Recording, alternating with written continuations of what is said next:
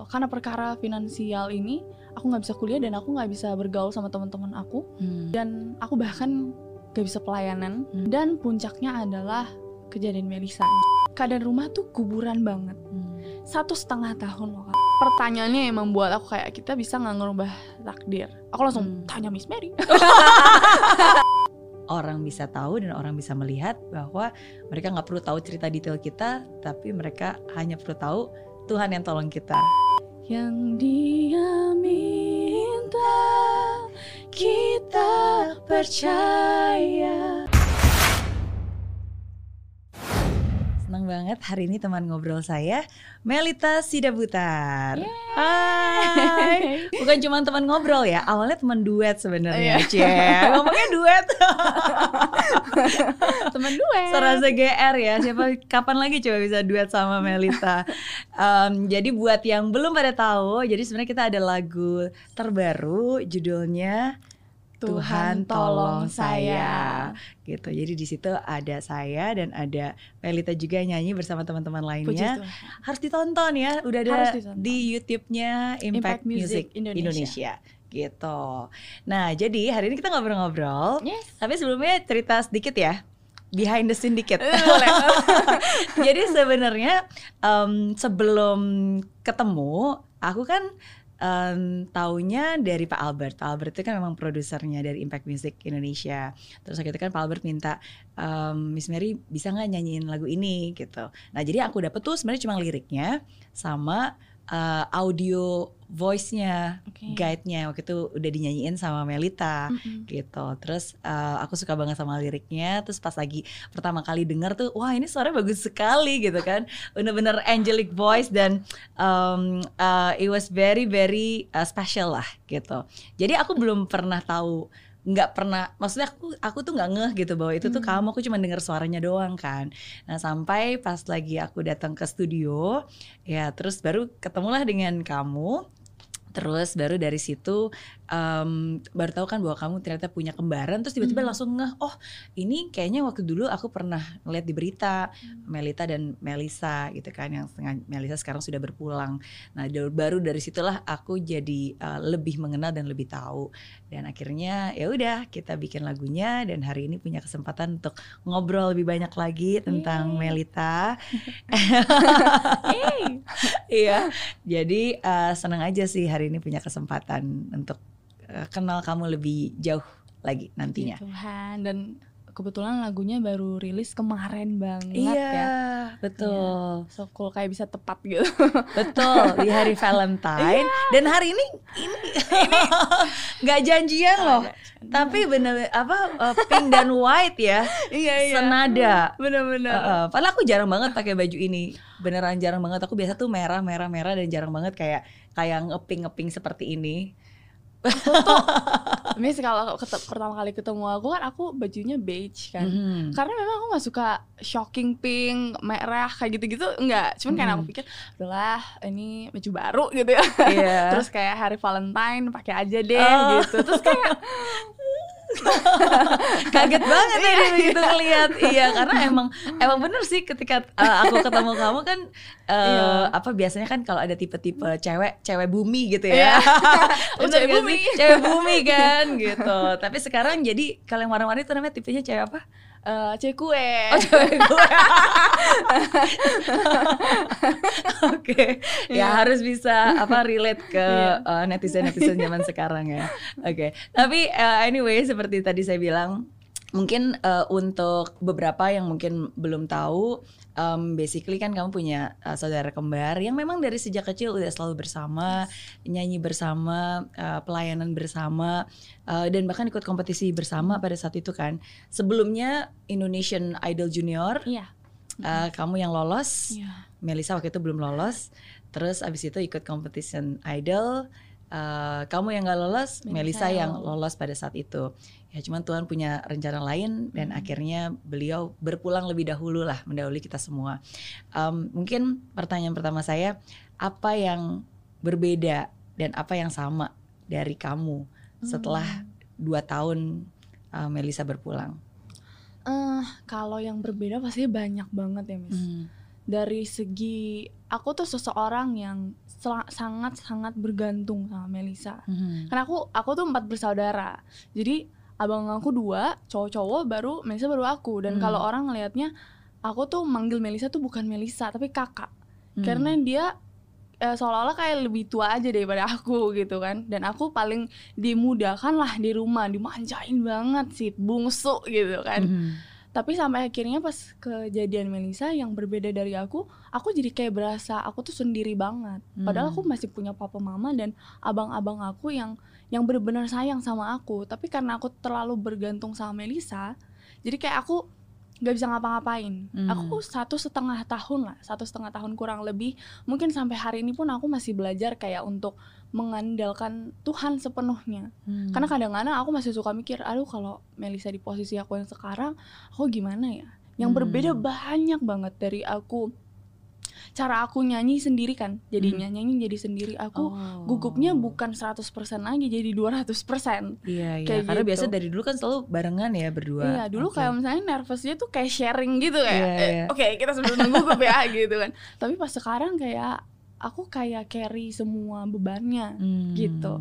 tapi terlalu banyak lah kalau misalnya dibilang apa yang berbeda tuh banyak banget karena eh, ya aku aku bahkan nggak tahu kayak teman-teman aku tuh yang yang kayaknya emang bener-bener pure my friend tuh siapa ya aku kayak kadang Hmm. mikir apa aku deket sama banyak orang tuh gara-gara Melisa emang social butterfly aja Hmm. gitu sebenarnya aku nggak seperti itu mungkin orangnya aku kayak kayak kadang-kadang berpikir kayak gitu Oke. jadi banyak banget yang sampai hari ini tuh menurut aku kayak aku nggak tahu sampai sekarang apakah aku seperti itu atau enggak berubahnya banyak banget soalnya nih Iya. aku berasa jauh dari beberapa orang dan orang-orang merasa kayak kok Melisa nggak kayak dulu ya padahal bagi aku ya karena nggak ada Melisa lagi gitu Iya, yang iya. membuat kita berteman kadang-kadang nggak ada Melisanya loh dia perantaranya Hmm. itu banyak banget perbedaannya Iya. jujur tapi kalau persamaannya mungkin eh, aku tetap manja ke papa mama karena di rumah berasanya eh, puji Tuhan setelah melewati banyak eh, rintangan sama Hmm. keluarga rasanya di rumah aku tetap ada Melisa gitu Hmm. jadi papa mama dan abang-abang aku pun betul kita kehilangan secara jasmani tapi Iya. kita tidak membuat eh, pembahasan tentang Melisa menjadi tabu gitu loh Iya. jadi iya. aku tetap manja ke papa mama kayak gimana Melisa dan aku manja ke papa mama bukan aku jadi Hmm. Melisa dan aku manja ke papa mama tapi aku tetap jadi diri aku yang manja ke papa mama tanpa ada rasa kehilangan ah nggak ada teman gue lagi nih manja sama papa mama no Iya. tapi iya. justru kayak oh aku tetap deket kok sama papa mama gitu aku tetap eh, manja sama abang-abang aku bahkan aku dijulukin tuh anak Hmm. TK kalau di rumah Kenapa? karena aku manja banget manja banget. kolokan banget aku kolokan banget kalau saya orang bilang manjanya mungkin aku kayak harus dibawain makanan enggak aku Hmm. bisa bisa sendiri cuman ada kadang-kadang masa aku cuman kayak pengen "Eh, suapin dong gitu tapi Iya, aku sambil iya. ngobrol kayak orang dewasa cuman disuapin aja gitu kayak kadang-kadang aku suka Menikmati kedekatan mumpung masih bisa. benar gitu benar kan. benar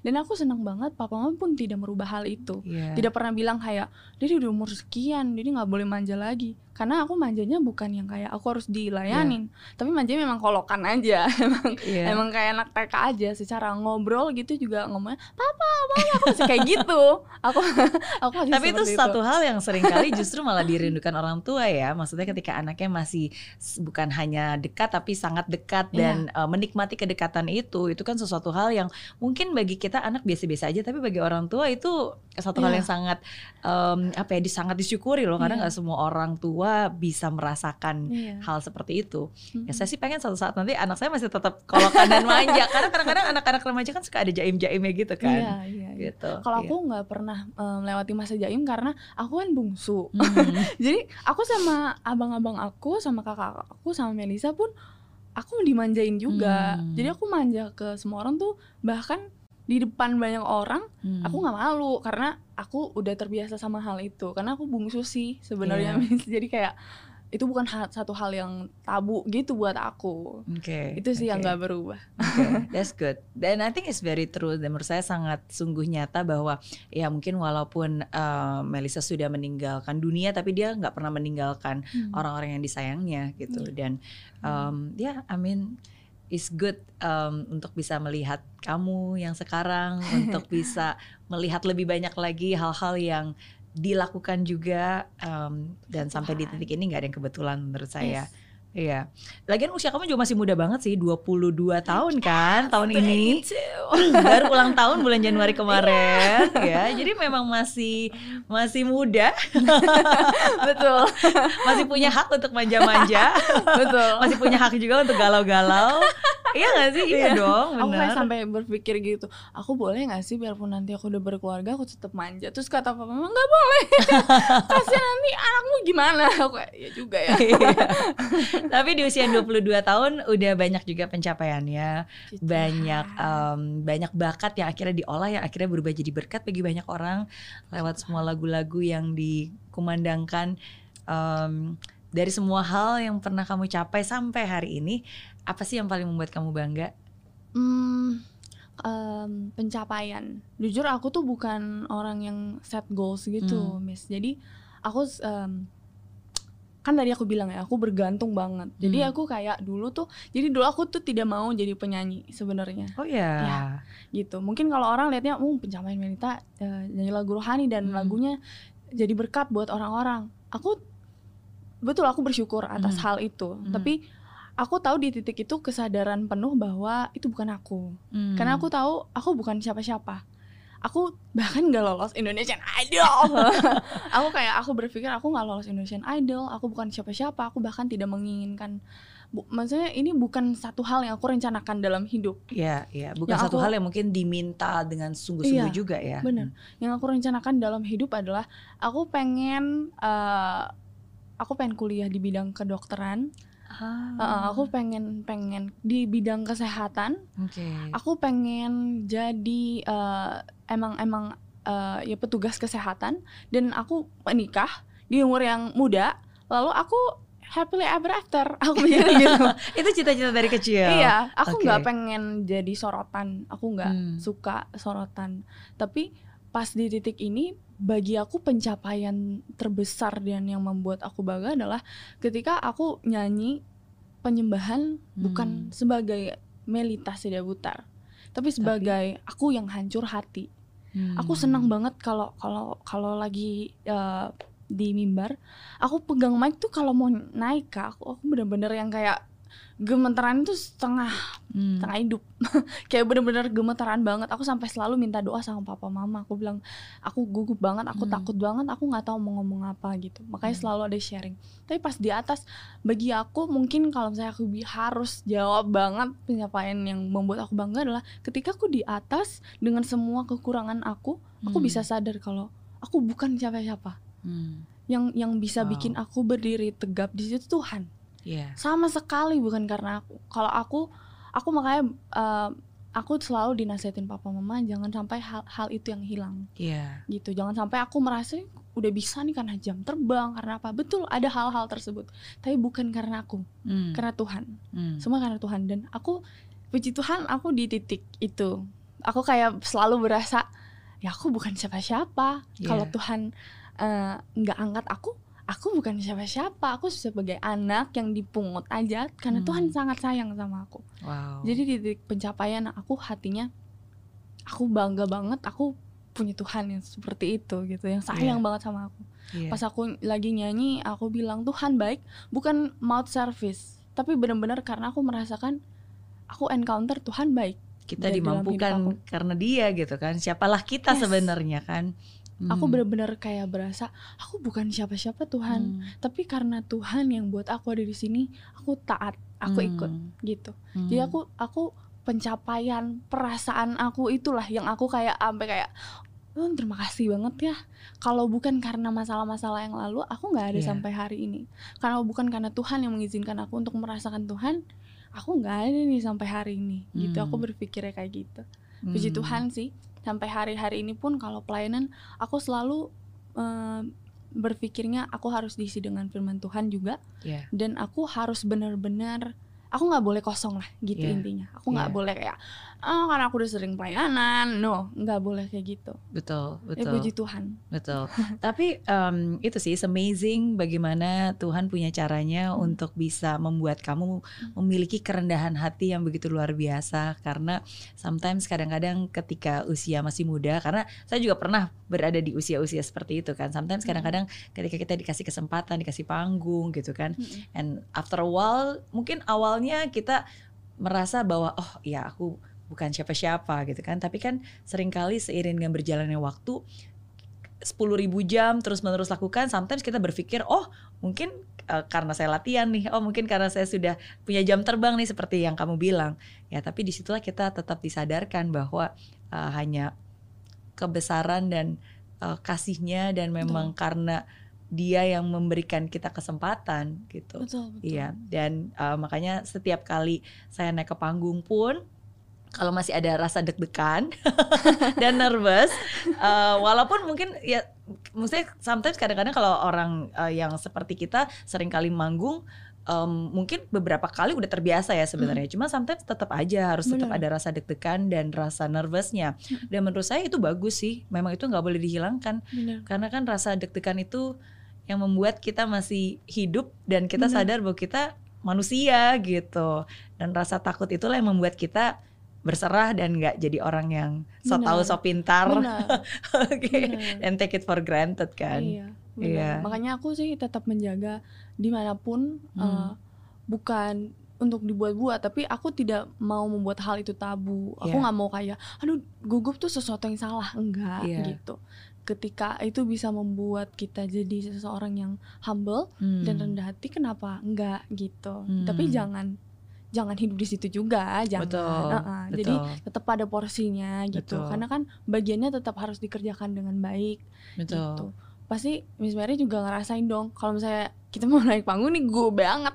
Tapi kalau misalnya udah di depan, kalau misalnya kita udah mulai dapet pasti enak Oh gitu. iya, ya iya. kan? Tapi Iya. bukan artinya kan kita harus gup terus panjang itu kan enggak. Betul, setuju setuju dan sering kali rasa nervous itu adalah pertanda yang baik, berarti eh, kita care, kita peduli terhadap apa yang akan kita em, bagikan. Mm. Kalau kita ah nggak kalau kita nggak punya rasa nervous lagi dan nggak punya rasa itu kan sekarang kita nggak peduli gitu Iya, kan, you, you just don't care, but because you care so much sampai sampai kayak wah apa nih, saya udah persiapin ini apa yang harus saya pikirkan, apa yang saya harus lakukan gitu. Ya saya sih selalu mengambilnya dari posisi seperti itu ya. Jadi sometimes itu pengingat aja sih di hati. Iya, iya. Hmm. saya yakin em, seperti saya bilang nggak nggak nggak apa ya nggak banyak anak muda yang di usia 22 tahun memiliki kedewasaan dan juga kebesaran dan kerendahan hati seperti yang kamu miliki hari ini. Amin. Dan saya percaya itu juga pasti karena didikan orang tua, wejangan orang Amin, tua.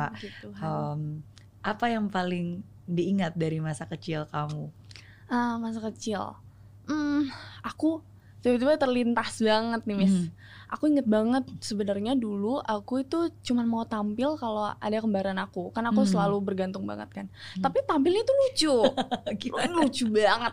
Kayak aku aku tuh selalu suka misalnya kayak papa habis kerja gitu Hmm. kan. Terus mama habis beresin semuanya, kakak-kakak habis habis eh, kan udah SMP SMA kan, Hmm. habis pulangnya jam 4 sore, jam Hmm. 3 sore kayak gitu-gitu. Pulang ke rumah jam 7 malam, aku sama Melisa udah siapin kita bilang kita siapin konser. Wow. Umur berapa kamu? Itu kayaknya usia 45 tahun deh. Ah, wow. Empat eh dari 45 tahun sampai kelas eh, sampai SD kelas 6 tuh itu masih berlanjut. Oke. Jadi dari belum sekolah tuh udah udah udah mulai kayak gitu. Iya, iya. Terus itu kayak hampir setiap hari tuh begitu. Oke. Jadi aku sama Melisa tuh suka kayak pusing nanti eventnya tuh nanti ke sana ya kita geser ke sana. Aku kayak nggak ngerti kalau pikirin itu sekarang ya. Tapi seru. Jadi suruh papa mama Wow. sama eh, kakak-kakak aku duduk di satu sofa. Aku sama Melisa datang sebagai kita tuh talent. Hmm. Ya kita tuh eh, the star of the show. Iya, iya. gitu. Terus kita datang bisa nyanyi, bisa nari, bisa acting. Wow. Bisa kita putar lagu, terus kita jadinya penyembahan sekeluarga, nggak harus lagu rohani bahkan. Iya, bahkan kita iya. kadang-kadang lagu Korea. apa pun bisa ya. Kalau Apa pun hatinya bisa. memang dari hati, apa pun juga bisa. Iya, aku inget banget sampai papa akhirnya di aku kelas 4 atau 5 SD, papa beliin mic gitu. Mhm. mic buat sama speaker di rumah Mhm. gitu jadi kita putar karaoke kita nyanyi Wah. nyanyi kayak kayak Indonesian Idol gitu aku nyanyi eh, gantian terus Melisa nyanyi nggak ada juri Hmm. cuman kayak show aja Iya. itu selalu eh, sam- eh, hampir setiap hari Wow. Itu yang aku inget banget dari masa kecil aku itu itu Oke. bener-bener baru terlintas sampai akhirnya aku berpikir kalau ditarik ke sekarang aku melakukan itu karena Melisa mau karena dia tuh bener-bener suka banget spotlight dia beda banget sama Hmm. aku tapi setelah aku pikir-pikir emang sesu- semua yang terjadi itu nggak sia-sia Iya, ya ternyata Betul. Kalau aku ada sampai kayak gini mungkin karena Melisa tuh Iya. Jadi caranya dia menanamkan benih-benih dan bibit itu di kamu ya lewat cara itu. Iya, bener-bener. Tapi itu Oke. lucu banget, Miss. Bener-bener. Aku kadang-kadang kalau tante om aku datang, aku suka suruh tunggu sampai jam 7 gitu. Hmm. Suka bener-bener duduk di rumah, padahal sambil makan juga, sambil Hmm. aku disuapin juga gitu. Tapi suka aja aku dress up, pakai baju bagus. Iya. Cuman kayak di eh, living room di kelu- di Wow. rumah nyalain karaoke kita nyanyi Oke. gitu. Udah les vokal kan waktu itu. Jadi lagu yang abis diajarin sama guru vokalnya kita nyanyiin lagi Nyanyi di rumah. di situ iya. ya dipraktekin. Terus papa ngomong, bagus, bagus. Dan bilang aku bohong ya. Kalau dipikir bohong. Tapi itu sangat menyenangkan sekali bayangkan loh kayak tadi kan pulang pulang dari kantor dari aktivitas kakak-kakak yang baru pulang dari sekolah gitu kan terus tiba-tiba ada dua adiknya yang sangat exciting yang yang sangat cute dan imut gini tapi penuh dengan talenta udah tiba-tiba langsung perform gitu kan it is is such a joy sukacita Puji Iya. Eh, tapi luar biasa loh. Maksudnya aku tuh selalu bilang ya kan kadang-kadang zaman sekarang banyak eh, anak-anak muda yang selalu nanya ke saya gitu kan eh apa nih passionnya? Gimana kita bisa tahu what is our passion? gitu kan. Eh, ya saya selalu bilang passion dan purpose itu kan sebenarnya sebuah perjalanan ya. Kita sama aja kayak puzzle gitu kan. Kita ngumpulin bit of pieces dari masa lalu masa depan dan juga dari masa depan eh, dari masa lalu masa sekarang masa depan kita. Supaya semakin banyak uh, kumpulan-kumpulan puzzle-nya semakin kita bisa melihat gambar besar itu seperti apa. Tapi it's, it's a never ending um, uh, pictures gitu. Nah, salah satu halnya saya selalu bilang uh, ke masa lalu. Nah, jadi ke Hmm. masa lalu itu uh, salah satunya saya selalu bilang juga um, coba ingat-ingat di zaman ketika kamu masih kecil kayak usia uh, empat tahun, lima tahun gitu kan, 3 sampai lima tahun kalau nggak ada siapa-siapa, nggak ada orang gitu kan. Terus apa biasanya yang kamu lakukan, permainan-permainan seperti apa gitu, A- apa yang kamu lakukan gitu. Um, dan setiap orang beda-beda kan, ada yang jadi guru ngajar-ngajar, ada yang bunuh-bunuhin semut, ada juga gitu kan. Ya eh, intinya find a clue karena dari Hmm. situ ada ada clue, bukan berarti kalau kamu suka nyanyi-nyanyi bakal harus jadi penyanyi atau kalau kamu buka bunuh semut-semut jadi jadi apa nggak pecinta itu, tapi find a clue karena dari dari dari kegiatan itu ada sesuatu yang sebenarnya sedang ditanamkan. Nah, jadi kalau pada saat itu aku tuh inget banget waktu aku kecil. Jadi aku yang cerita. It's okay. I'd like to hear. jadi kalau dulu ya pas lagi nggak ada orang. Jadi waktu aku kecil banget tuh kan em, ada TV. Tapi kan TV zaman dulu ya TV yang kalau ma- dimatiin tuh hitam kan. Jadi kita bisa Oke. ngeliat bayangan kita Oh sendiri iya. gitu. Nah jadi aku suka banget di depan TV, TV-nya aku matiin terus aku nari-nari, joget-joget nari-nari. Karena zaman dulu uh, ada acara uh, aneka ria kayak kayak musik kayak MTV-nya zaman dulu lah TVRI gitu. Hmm. Terus aku nyanyi-nyanyi aja nyanyi lagu Krisye yang aku dengar sebelumnya, terus joget-joget nyanyi nari-nari aja nyanyi-nyanyi. Uh, itu yang aku lakukan gitu. Uh, bukan berarti aku pengen jadi penyanyi ya. Cuma dari situ setelah kalau sekarang saya melihat benang merahnya um, I just want to make other people happy karena itu memang doa nama yang memang mama selipkan kan Hmm. Ria karena waktu itu membawa kebahagiaan joy dan berharap aku selalu happy jadi aku tuh mungkin udah ngebayangin kayak ya di depan jadi jadi di TV dan eh, ya membuat orang bersuka cita gitu. Nah jadi ya itu benih-benih bibit-bibit seperti itu yang sometimes kadang-kadang secara kita nggak sadar mungkin Iya, ya Tuhan ya. sedang menitipkan sesuatu atau ya ya bibit yang bisa kita pelihara dan kalau kita obedient dan kita percaya ya itu bisa menjadi besar dan em, bisa menjadi berguna gitu bisa digerakkan oleh dia gitu jadi walaupun pengennya jadi dokter tapi berkat Melisa yang suruh ayo kita perform apa akhirnya itu ditaruh di hati kamu ya Aduh. kenapa sih aku manut banget ya Oke. Tapi kapan kamu mulai uh, tahu atau kamu punya kecintaan um, dengan menyanyi? Kapan sungguh-sungguh benar-benar? Eh, Hmm. kalau bener-bener sungguh-sungguh aku selalu tahu aku suka musik Ah. karena memang sebenarnya aku eh, ini udah agak kurang nih karena aku udah jarang banget latihan piano Hmm. tapi ada ada masa-masa di mana aku tuh suka banget cuman main piano aku nggak suka nyanyi sama Oke. sekali gitu tapi kalau memang dari awal aku memang belajar nyanyi Hmm. jadi mama sama papa kaget lah intinya karena mama kan dulu penyanyi juga Hmm. sebenarnya kayak eh, di kalangan mama Hmm. di teman-teman mama mama penyanyi lead vokal gitu Hmm. terus mama sama papa kaget karena ketika umur 4-3 tahun aku dan Melisa tahu nada oh nggak falas Oke. Iya. terus kok bagus suaranya Iya, iya. gitu kan Nangisnya juga nggak fales ya. Biar bisa ada suara Pas dua. Bojo langsung bagus langsung bagi Iya, suara bagi langsung bagi suara. terus eh, dari situ baru eh, papa mama pikir kayaknya harus dikenalin sama lagu-lagu rohani deh gitu Ah. lagu-lagu rohani lagu-lagu eh, bahasa Inggris lagu-lagu Batak Oke. yang, yang bagi suaranya wadidaw Wow. gitu kan Oke. terus abis itu setelah setelah udah mulai ke TK abang-abang aku kan les piano Oh. aku sama Melisa mulai diajarin sama kakak-kakak aku Oke. sama abang-abangku eh, eh, latihan piano dan di usi, di em, kayak kelas 3 SD atau 4 SD aku sama Melisa les piano klasik Hmm. gitu tapi aku selalu tahu dari dulu memang aku suka nyanyi Mhm. cuman ketika aku udah nyentuh piano tuh waktu SMP SMA aku jadi lebih suka piano lebih suka main piano. Oh, oh. Oke. itu makanya pas pas eh, ini aku agak kayak ngambil excuses ya Mhm. tapi pas di SMA eh apa setelah SMA ya baru aku ikutan Indonesian Idol Mhm. Aku di situ udah nggak suka nyanyi Hmm. di Idol Junior dan Indonesian Idol aku tuh udah nggak suka nyanyi Mhm. jadi di situ aku kayak ada rasa penyesalan kenapa nggak latihan nyanyi mulu ya tau gini kan aku ikut mm, lomba piano aja Iya.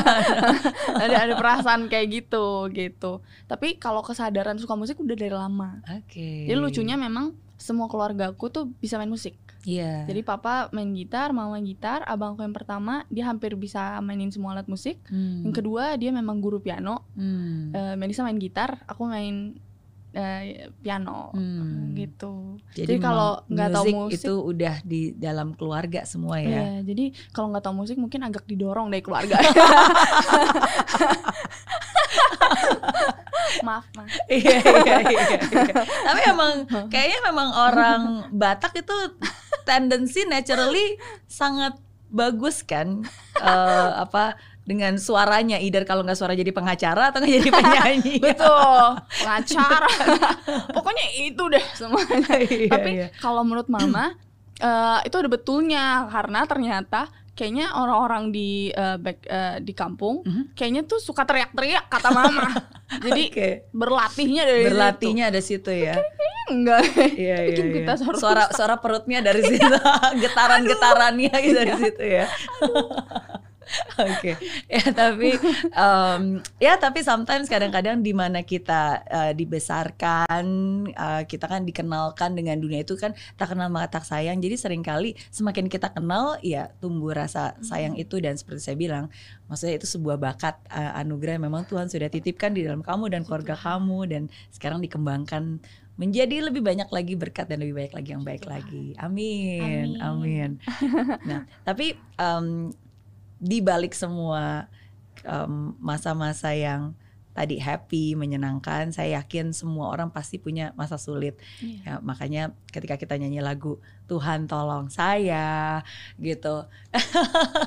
itu kayaknya em, relate banget sih. Iya, karena em, saya setuju seperti yang Pastor John Mogi bilang ya, kalau kita nggak pernah rasa sedih ya kita nggak pernah merasa dihibur sama Tuhan kan maksudnya Iya. gimana kita bisa merasakan penghiburannya kalau kita nggak pernah merasa sedih, ya kan gimana kita bisa merasakan pertolongannya kalau kita nggak pernah berada di dalam sebuah keadaan yang sangat sulit Benar, gitu benar. Mm-mm. Bener aku suka banget juga sih yang pas eh, Pastor John Mogi ngomong gimana kita bisa rasain Tuhan penyembuh kalau Hmm. kita nggak sakit iya gitu gimana kalau tuh eh, kita kita mau ngerasain Tuhan yang penyedia Hmm. kalau kita Tuhan yang menyediakan kalau kita itu nggak ngerasain kekurangan Betul. aku jadi kayak bener-bener oh iya Iya. ya kadang tuh hal buruk tuh tidak terjadi kan orang-orang suka menyalahkan karena A karena B Iya. karena bahkan ada yang merasa dikutuk gitu Iya. padahal bukan itu semua terjadi karena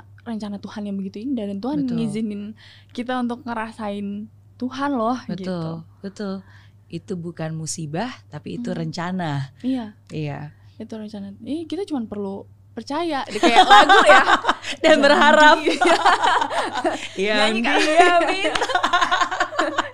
Masih pagi suaranya. Jangan nyanyi, nanti dulu nyanyinya. Iya, iya. Kita hanya perlu em, tetap percaya dan tetap berharap gitu. Dan kalau dari Melita sendiri, em, apa saat-saat tersulit yang pernah dialami yang saya yakin pada saat itu kamu merasakan pertolongan Tuhan banget. Hmm. Iya. yang tersulit tuh mungkin kalau orang lihatnya gini mes mungkin orang lihatnya karena waktu itu keadaan finansial lagi memburuk banget Hmm. abis itu aku nggak bisa kuliah Hmm. abis itu diterpa pandemi Hmm. abis itu aku nggak lolos Indonesian Idol Itu berturut-turut ya? berturut-turut 2019 2020, 2020. Oke.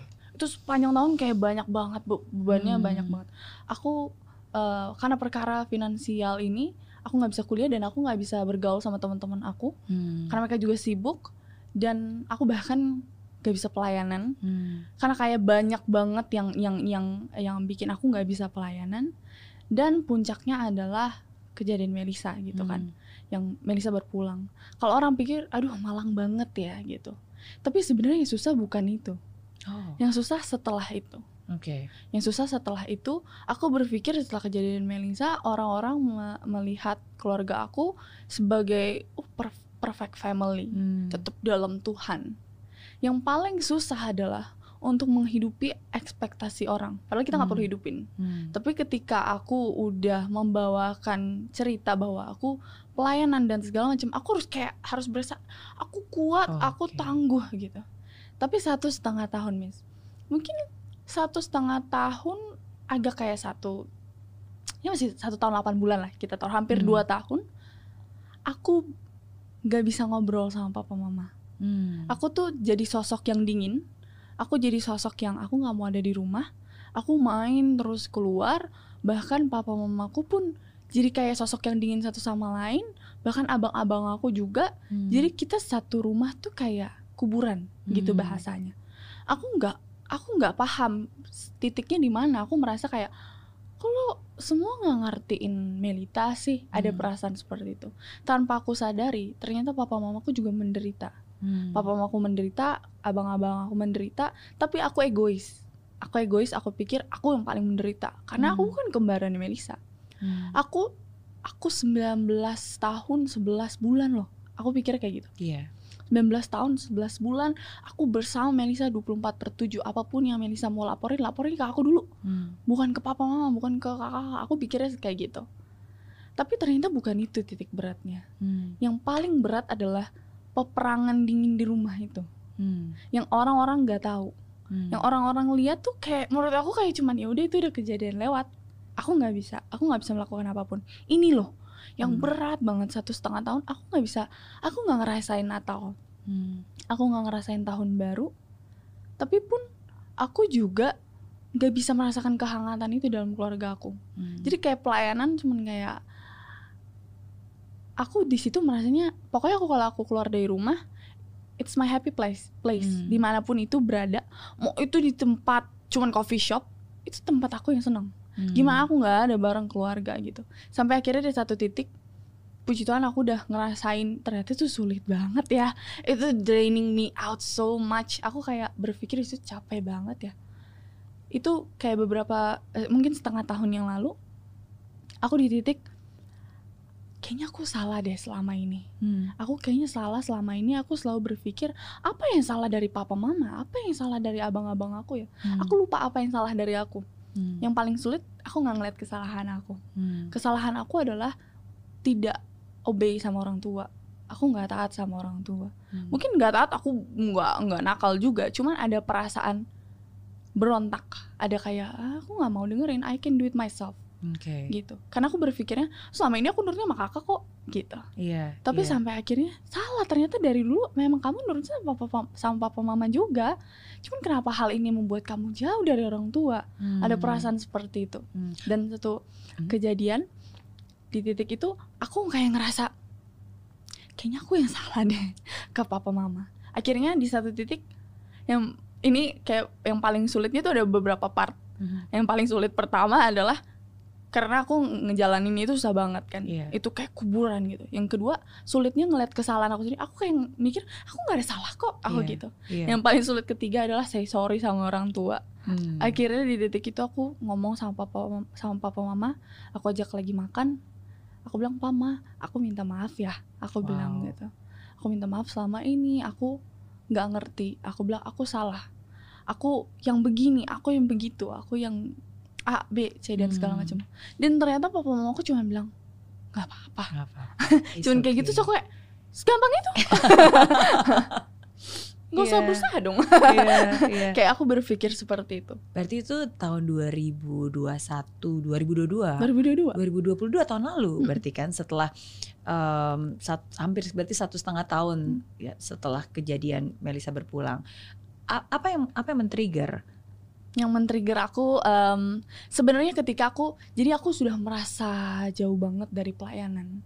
Aku udah ngerasa jauh banget dari pelayanan. Sampai aku aku ngerasa kayaknya kok selama ini aku pelayanan tapi kosong ya Hmm, gitu. hmm, aku dengerin firman aku aku baca alkitab aku aku penyembahan tapi kok kayak something missing hmm, di dalam diri aku. Hmm, aku tahu Melisa udah nggak ada di sini tapi kayaknya bukan itu deh perkaranya. Iya. aku aku ada berpikir seperti itu.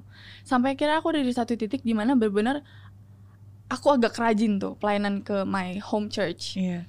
terus habis itu pas di situ aku ngerasa kayak oh aku harus balik nih. Ada ada perasaan gitu. Iya. rasanya aman banget nih di sini. Dan kalau aku balik papa mama pasti seneng kok. Iya. gitu.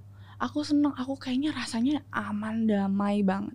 Sampai akhirnya aku di titik kayak aku udah deh aku nggak mau main-main keluar. Hmm, aku nggak karena kan memang aku strict parents ya papa mama. Hmm, aku memang nggak terlalu suka main-main keluar juga sebenarnya. Tapi pada kala itu aku kayak lebih betah di luar. Hmm. Wa- walaupun aku capek gitu jadinya pas pas di rumah aku lebih capek lagi. Dan sampai aku di titik nggak deh aku nggak mau main-main keluar. Aku nggak mau melakukan hal-hal yang nggak ada gunanya juga. Hmm. walaupun itu cuma nongkrong tapi kayak it's not my thing gitu kan. Aku kayak berpikirnya udah deh nggak usah gitu. Iya.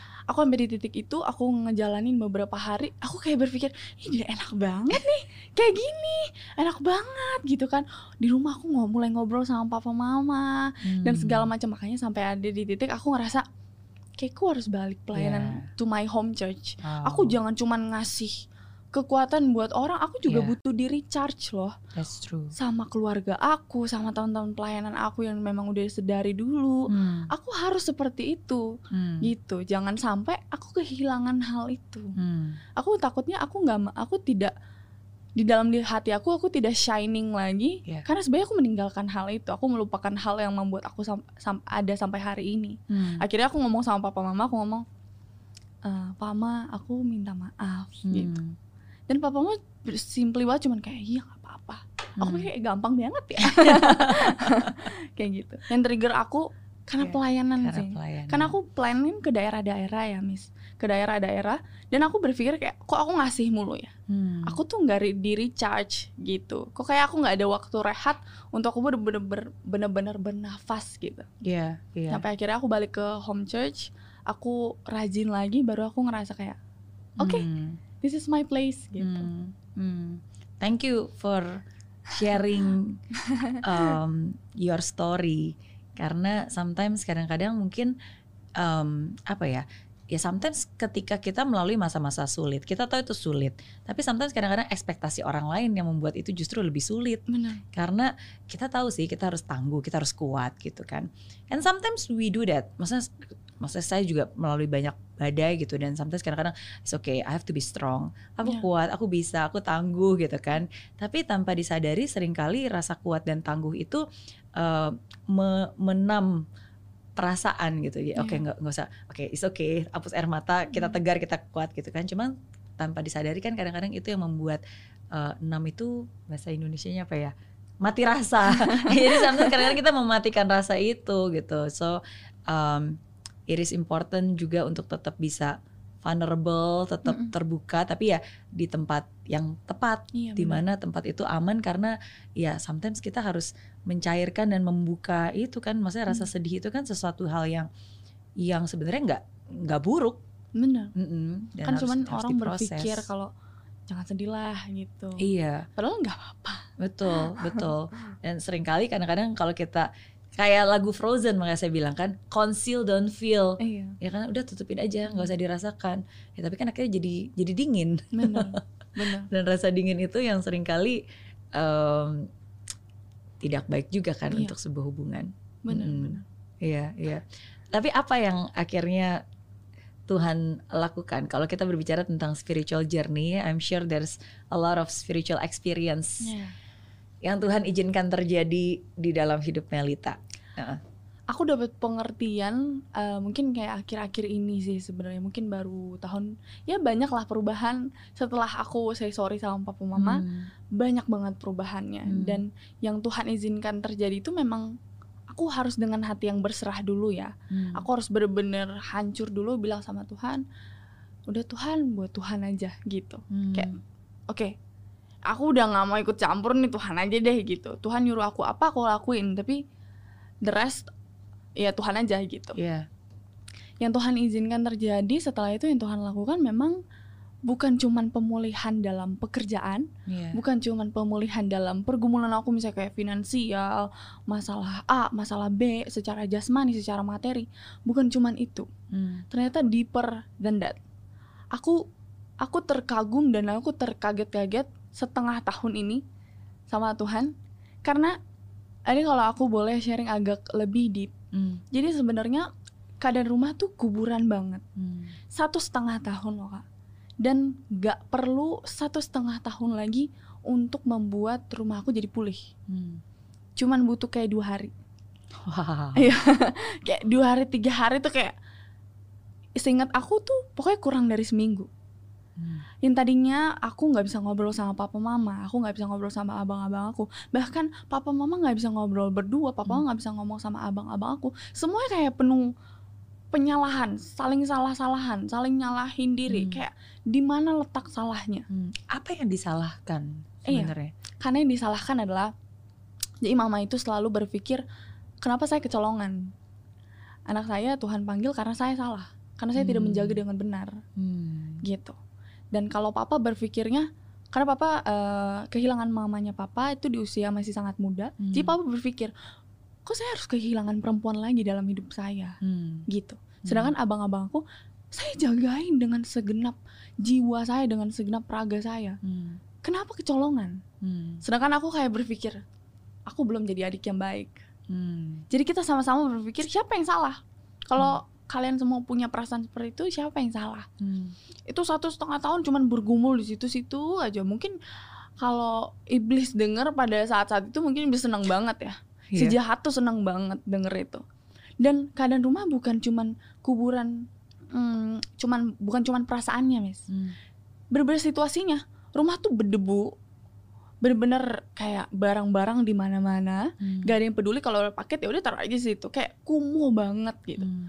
Padahal kalau misalnya orang bilang enggak ini kok eh, klasternya bagus kok tapi Hmm. bagi aku enggak rumahnya jelek banget ini Hmm. yang terjelek rumahnya Hmm. aku kayak berpikir kayak gitu padahal kayak menurut orang enggak kok ini di depan juga Hmm. enggak jelek banget jeleknya tuh dari segi perasaan dari segi penempatan dan segala- semua jelek banget Iya.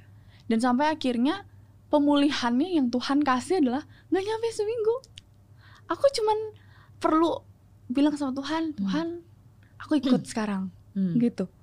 Ternyata aku bener-bener cuman kayak Tuhan aku aku nggak tahu lagi deh harus apa.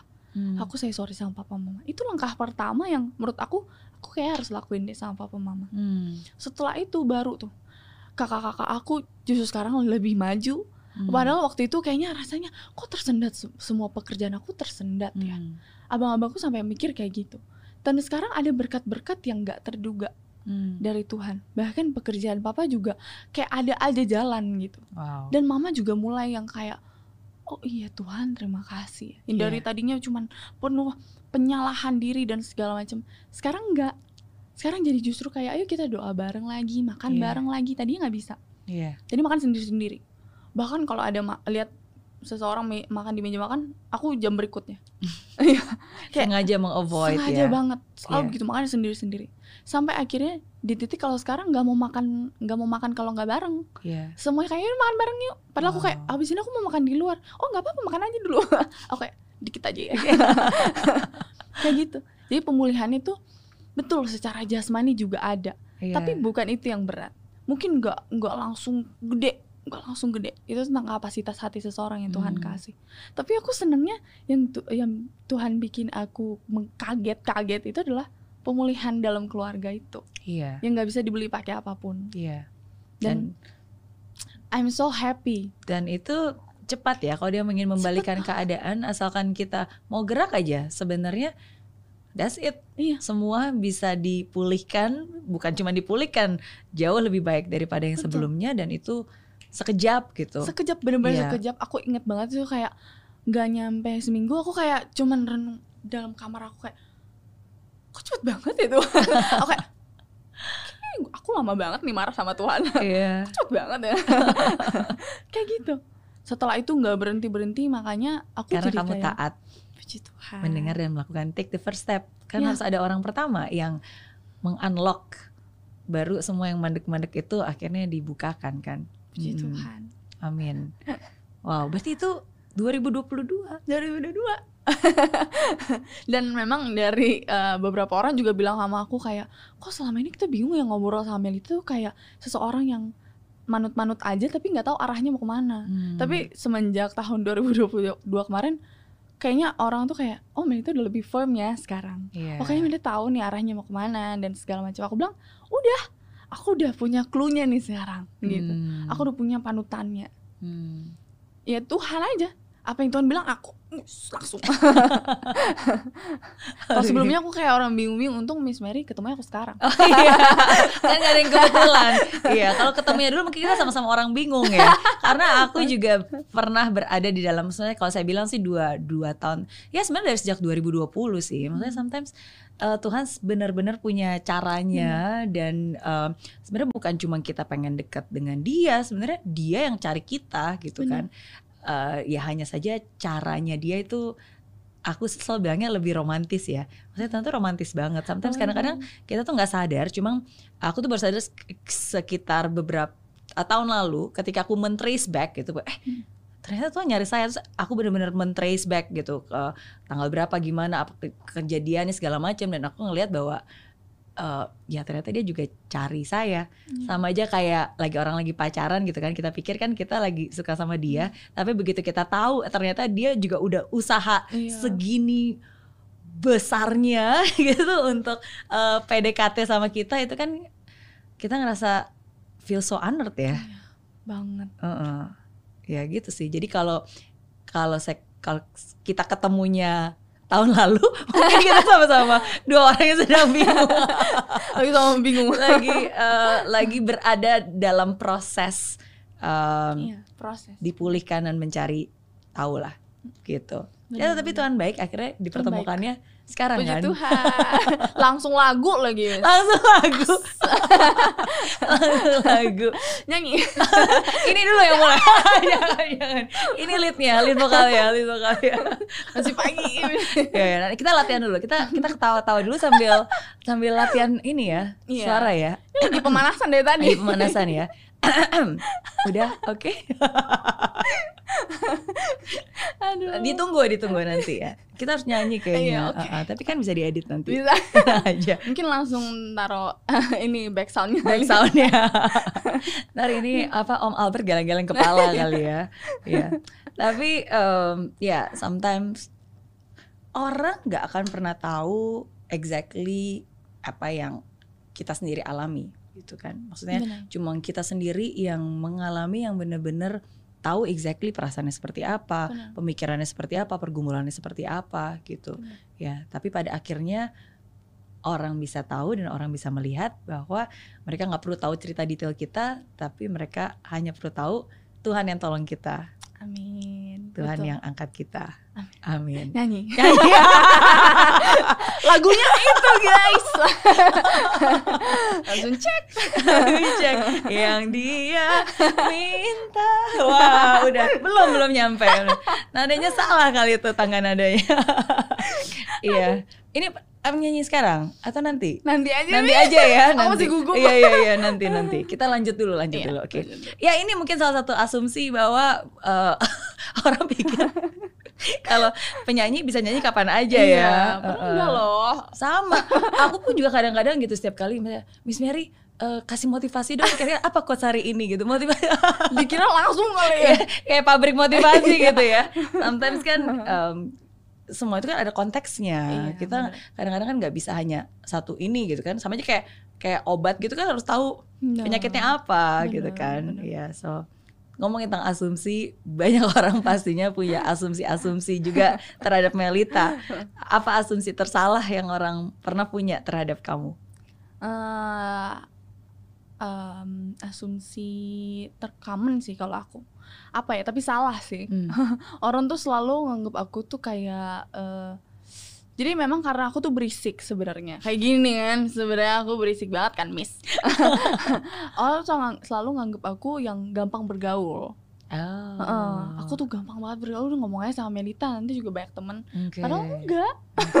gitu. Aku orangnya tuh eh takutan banget justru. Mungkin kalau bahasa anak muda introvert kali ya. introvert, introvert yang berisik gitu ya. Iya, introvert Dari yang mana very loud. introvert yang very loud? Iya, kayak gitu. Kadang orang suka berpikir kalau misalnya aku lagi di kerumunan dikiranya aku tuh seseorang yang gampang banget get along sama orang-orang. Iya, iya. Padahal aku aku mulai baru tahu nih Miss dari tahun lalu gitu. Kalau aku ternyata bukan orang yang seperti itu. Justru Hmm. aku orangnya tuh gampang eh, gampang panik kalau rame. Kalau Hmm. keramaian, terus kalau jadi spotlight, aku tuh kadang panik. Aku kayak kadang-kadang berpikirnya aku pengen di belakang aja. Iya. Aku kayak takutan gitu. Asumsi orang tuh mikirnya kayak, Amelia tuh suka, Amelia tuh udah terbiasa kok dengan spotlight gitu. Amelia tuh Hmm. udah fine-fine aja gitu. Terus kayak Amelia tuh eh, ekstrovert parah misalnya gitu. Hmm. Padahal enggak.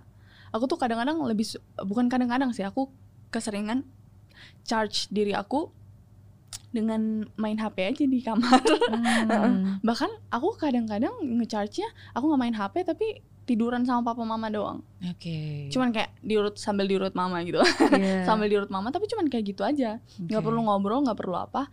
Karena kadang-kadang aku nggak bisa menyuarakan apa yang aku pikirin Iya. gitu. Iya. Jadi asumsi orang kadang-kadang suka mikirnya kayak aku aku tuh yang firm banget, aku yang kayak eh, vokal banget, Hmm. padahal enggak.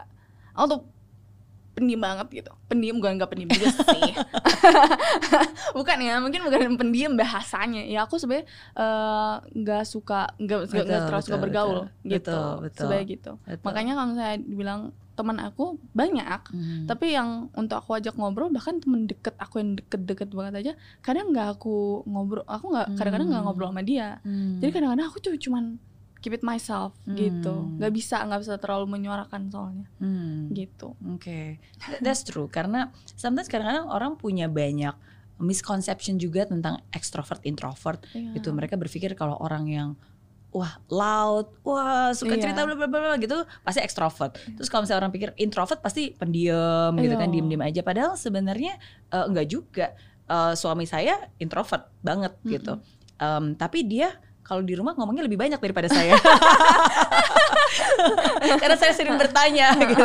Saya tidak menjelaskan.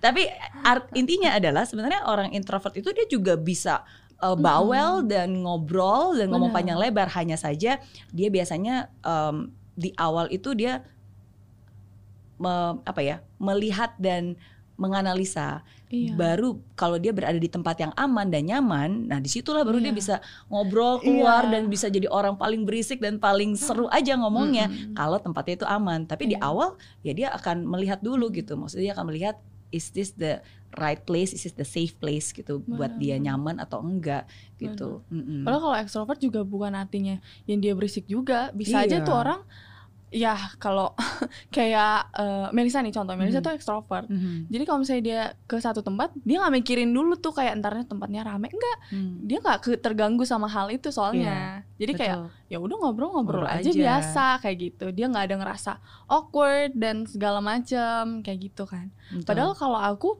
aku yang kayak udah panik dulu aduh nanti ketemu orang kayak padahal nanti kalau ketemu orangnya aku bisa ngomong Betul, cuman betul. padahal sebelumnya itu aku kayak berpikir aduh nanti ketemu orang nih. Banyak banget nih ketemu orang.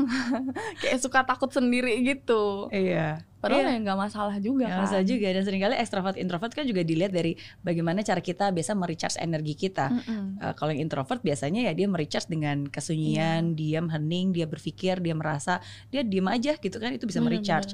Ya tapi untuk orang-orang yang ekstrovert seperti saya salah satunya justru saya malah ter-recharge kalau saya bertemu Lagi dengan orang banyak gitu. Jadi sometimes kadang-kadang kalau kalau misalnya lagi sakit nggak enak badan terus tapi karena harus manggung gitu kan begitu selesai malah sembuh, Sembuh. sakitnya jadi ter jadi kayak jadi kayak semangat gitu Hmm. because uh, mungkin orang berpikir mereka dapat energi dari saya tapi sebenarnya saya juga dapat energi dari Iya. mereka gitu benar-benar Iya, itu, iya. be- itu bedanya sih itu salah satu bedanya Mm. jadi kamu introvert Iya, jadi aku kaget juga. Jadi waktu itu aku eh, ini SMP. Aku SMP tuh eh, tes psikolog ya, Heeh. apa sih namanya tes psi- psikologi. Aku aku kaget kan. Jadi aku sa- sampingan sama Melisa disuruh gambar apalah segala macam. Hasilnya Melisa ekstrovert, aku introvert. Hmm. So kayak berpikir enggak aku ekstrovert. aku kayak enggak aku berisik kok. Padahal ternyata dokternya bilang bukan itu. Kamu tuh lebih suka sendiri loh gitu. Iya, Sendirinya iya, tuh iya. bukan literally sendiri sama orang-orang yang kamu udah nyaman betul gitu. betul betul Jadi aku kayak berpikir aku nggak terima aku jadi introvert. Hmm. Tapi ya lama kelamaan jadi terbiasa juga jadi kayak oh tahu juga seluk beluknya aku nggak perlu yang panik juga kalau ketemu orang ya biasa aja gitu. Betul, nggak perlu jadi orang lain tapi just Mm-mm. embrace yourself. Dan ketika kita tahu, oh ternyata kayak gini toh, oh ya udah kita explore aja. Benar, what can we benar, do better dari uh, situasi seperti itu kan? Oke, kalau kamu punya superpower, pengennya punya superpower apa dan kenapa? Eh, aku tuh dari dulu pengen banget invisible. Ah, Heeh. Karena karena ini nyambung sama yang tadi sih Miss. Jadi Oke. kayak aku berpikirnya aku pengen ada di suatu tempat ya aku tahu obrolannya apa tapi aku nggak pengen berkomentar, nggak Oke. pengen eh, ngasih mimik muka atau Iya, kayak iya. berekspresi ya cuman kayak eh duduk aja dengerin Iya, kayak gitu. iya. Aku pengen banget invisible dari dulu Wow, gitu. oke. Pengen kayak Yaudah di satu ruangan ini Melita mana ya? Nggak ada dia lagi di rumah padahal aku di situ. Iya, iya, iya. Pengennya kayak gitu. Wow, aku, aku merinding loh denger ya. Karena dulu itu aku kadang-kadang waktu kecil suka berimajinasi kayak gitu. Aku tuh kalau lagi eh, lagi jalan gitu ya, misalnya pas lagi naik mobil, aku tuh suka ngebayangin ah pengen jadi invisible Hmm. eh, supaya setiap hari aku bisa ngikutin satu orang. Jadi aku ngikutin aja gitu orang ini hidupnya gimana, Oh. ngapain, mereka ngomong apa gitu. Jadi kalau misalnya aku lagi jalan, ah pengen ah ngikutin orang ini, ah pengen tahu hidupnya gitu. Jadi aku aku tuh selalu bayangin gitu. Kepo aja ya. Kayak iya, jadi setiap hari aku pengen pengen aja gitu berada eh, tahu kehidupan seperti apa, dia omongannya seperti apa, sukacitanya atau mungkin ada masalah, tapi nggak pengen dilihat. Jadi setiap Iya, hari ya ya jadi invisible aja Aku gitu. juga kayak gitu tapi dari kecil Mes. Iya. sama kok kita sama aku dari kecil juga kayak berpikir "Ah, aku persis kayak Miss juga Uh-uh. pengen ngikutin tiba-tiba ikut mobil orang Iya. gitu kan ikutan aja Ikut aja. nggak bakal dia papain orang kan nggak kelihatan Bener, nggak kelihatan. Kan nggak Uh-uh. kelihatan jadi aku aku berpikir ya udah ikut aja cuman pengen tahu mereka ngapain Hmm. cuman pengen lihat aja Iya. tapi nggak pengen ngobrol Iya. nggak pengen ditanyain pendapatnya kayak apa ya Iya. pulang habis itu Iya. Tapi kadang-kadang itu agak susah ya, Mm-mm. karena sometimes mungkin sebagai um, public figure pastinya ketika kamu berada di suatu tempat, walaupun sebenarnya kita pengennya pengen aja sit down, Ya. Melihat, mengobserve gitu. Cuma kan sometimes kadang-kadang mau nggak mau suka nggak suka uh, orang begitu ngelihat public figure kan pasti draw attention Iya. dan pastinya mereka mengexpect eh uh, sharing dong, nyanyi dong, Mm-mm. apa kayak gitu kan. Mm-mm. Bener-bener. Aku sih beberapa momen Hmm. di mana kayak aku lagi bareng gitu, aku nggak dinotis orang. Hmm. jadi mungkin memang karena orang-orang tuh taunya lagu aku bukan akunya Hmm. gitu. Jadi pas kalau misalnya aku lagi ngomong lagi ngobrol oh ya ya ya. Apalagi kalau orang Batak kan. Baru apa? Aku bilang baru sudah butar. Terus dia kayak langsung giniin aku. Ini Melita sudah butar. Aku langsung panik.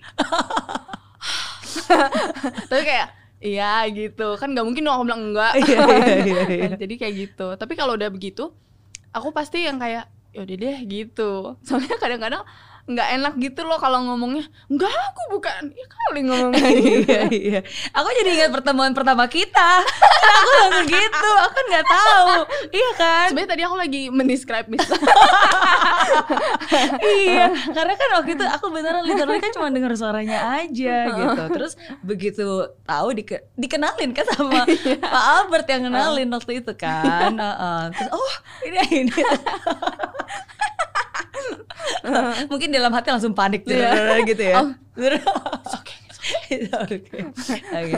Tapi is is a privilege sih. Buat buat saya sih selalu saya menganggapnya itu bukan bukan beban ya, tapi is is a privilege. Maksudnya nggak semua orang dikasih kesempatan untuk bisa berada um, di tempat kita sekarang berada Betul. dengan segala macam uh, tantangan, tanggung jawab yang juga privilege ya is ya itu um, harus kita syukuri dan kita pergunakan sebaik-baiknya. Mm-mm. Karena kalau kita nggak gunakan sebaik-baiknya, nanti yang ngasih ngambil lagi, iya benar-benar aku eh, nanti kita hari sedih. hari ini aku memang akhir-akhir ini memang lebih kayak eh, belajar oke lu gak usah panik Hmm, gitu nggak hmm. udah gak usah panik Hmm, gak apa-apa juga kok gitu aku hmm, nggak masalah yang kayak diminta foto dan hmm. eh, diajak ngobrol gitu. Cuman yang aku panik adalah memang agak sedikit trauma sih sebenarnya Miss. Ya aku udah bisa ngomong kayak ini mungkin karena aku lah udah lebih ya udah lebih berdamai Hmm, sama hal hmm. itu karena kejadian Melisa banyak orang yang memang menyalahkan eh, keluarga gitu. Ada juga yang kayak ngomong ya eh, apa ini yang lolos ya yang eh, berpulang gitu. Hmm. Kayak aku kayak berpikir ya terus yang nggak lolos aja yang berpulang. Hmm. Kadang-kadang ada ada du- dulu tuh ada Hmm. ada perasaan sebocah itu. Hmm. Sampai akhirnya aku kayak takut keluar ke netizen, keluar ke media dan aku berpikir kalau misalnya nanti aku tiba-tiba ketemu sama seseorang yang kayak tahu nih Melita nanti diajak ngobrol itu lagi, Hmm. itu lagi. Jadi aku kayak kadang-kadang Iya. takut karena di satu titik aku trauma Iya. gitu. Tapi lebih ke sini aku lebih kayak ke ya udah orang bertanya karena mereka nggak tahu Iya, bukan karena pengen ngejudge kamu gitu cuman Iya. kadang-kadang masih kebawa paniknya iya, iya. iya cuman kayak ketemu Miss sebenarnya aku nggak nggak gugup Oh, iya. karena aku berpikir ya Miss kan juga public figure aku berpikir ya udah sama-sama. iya kan sama Tapi itu betul sih. Sometimes kadang-kadang uh, mungkin pemikiran-pemikiran imajinasi dan asumsi kita sendiri yang sebenarnya sering kali membuat kita panik ya. Tapi kita ya udah it's okay just Okay. uh, embrace the moment aja. Mm-mm. Oke. Apa pilihan tersulit yang pernah kamu buat dalam hidup?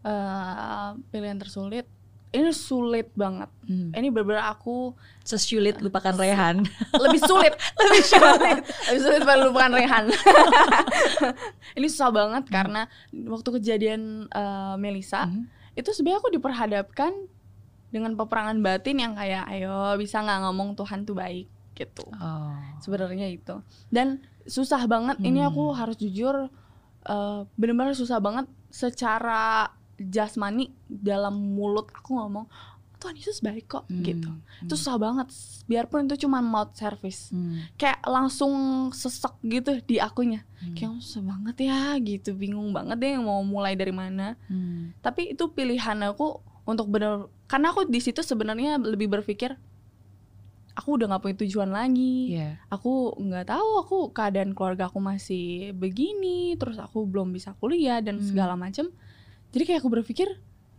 ya aku nggak bisa ngapa-ngapain lagi udah deh ngomong Tuhan Yesus baik gitu Hmm. tapi pas ngomong Tuhan Yesus baik kadang-kadang tuh suka sesek Hmm. kayak ada penolakan dalam diri aku kayak suka bilang enggak nggak baik kan yang Hmm. terjadi sama kamu dua tahun ini gitu Hmm. kayak ada perasaan seperti itu tapi pas di situ pas aku bilang Tuhan Yesus baik oh itu kayak sebulan tuh aku ya berpikir nggak nggak nggak baik nggak baik nggak baik Hmm. tapi ketika aku memilih itu ternyata ya nggak sia-sia Iya. gitu dan di titik itu kayak aku berusaha sekuat tenaga kayak ngomong Tuhan Yesus baik Tuhan Yesus baik itu kayak kok kayak susah banget Susah. ya ngomongnya kayak Iya. hal tabu gitu kayak diomongin Iya. tapi ternyata ketika aku memilih walaupun menurut aku itu adalah pilihan tersulit Mhm. untuk aku bisa seharusnya aku bisa berontak mungkin bakal lebih mudah untuk berontak daripada Hmm. bilang seperti itu Mhm. daripada harus taat sama orang tua tapi pas aku bilang itu kayak lebih yaudah deh Tuhan pelihara sampai hari ini gitu Iya. Iya.